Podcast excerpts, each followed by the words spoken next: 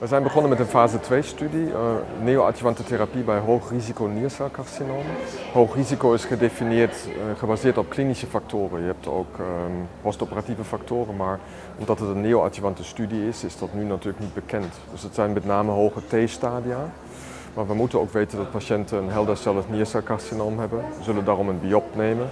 En als dat een hoge um, uh, Vuurman-gradering laat zien, dan weten we ook dat deze patiënten klinisch hoog risico hebben. Waarom is deze studie belangrijk? We weten dat 50 tot 60 procent van patiënten met een hoog risico niercelcarcinoom uh, gedurende vijf jaar uitzaaiingen kunnen ontwikkelen.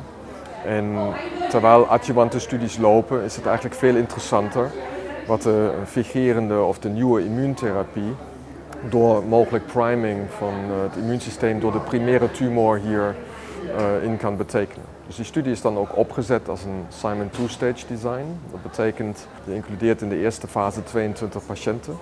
En in de tweede fase nog eens uh, 18 tot uh, een totaal van 40 patiënten. Primaire uitkomstmaat is respons in de primaire tumor.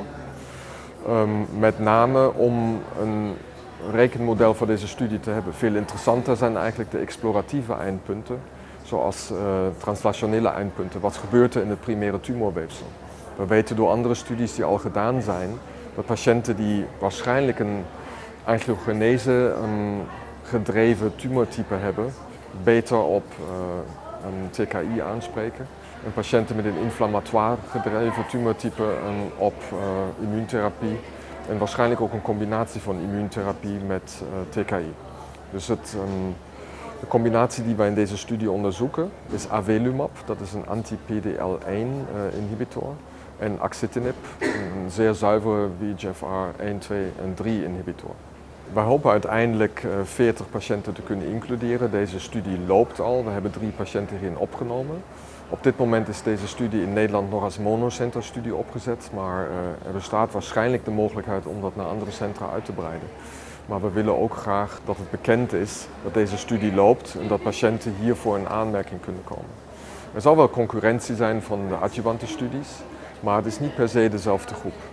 Hopelijk kunnen wij in de toekomst door het translationaal onderzoek nog verder aantonen welke patiënten het meeste baat zouden kunnen hebben bij um, deze verschillende vormen van therapie. Want het is nu eigenlijk al duidelijk dat uh, alhoewel in eerste lijn de combinatie immuuntherapie met ipilimumab en nivolumab waarschijnlijk sunitinib gaat verdringen, zo weten wij nu al door um, weefselonderzoek dat het niet voor iedere patiënt de beste therapie hoeft te zijn. En daar, hier kan deze studie aan meedragen of bijdragen om dat uh, nog beter duidelijk te maken.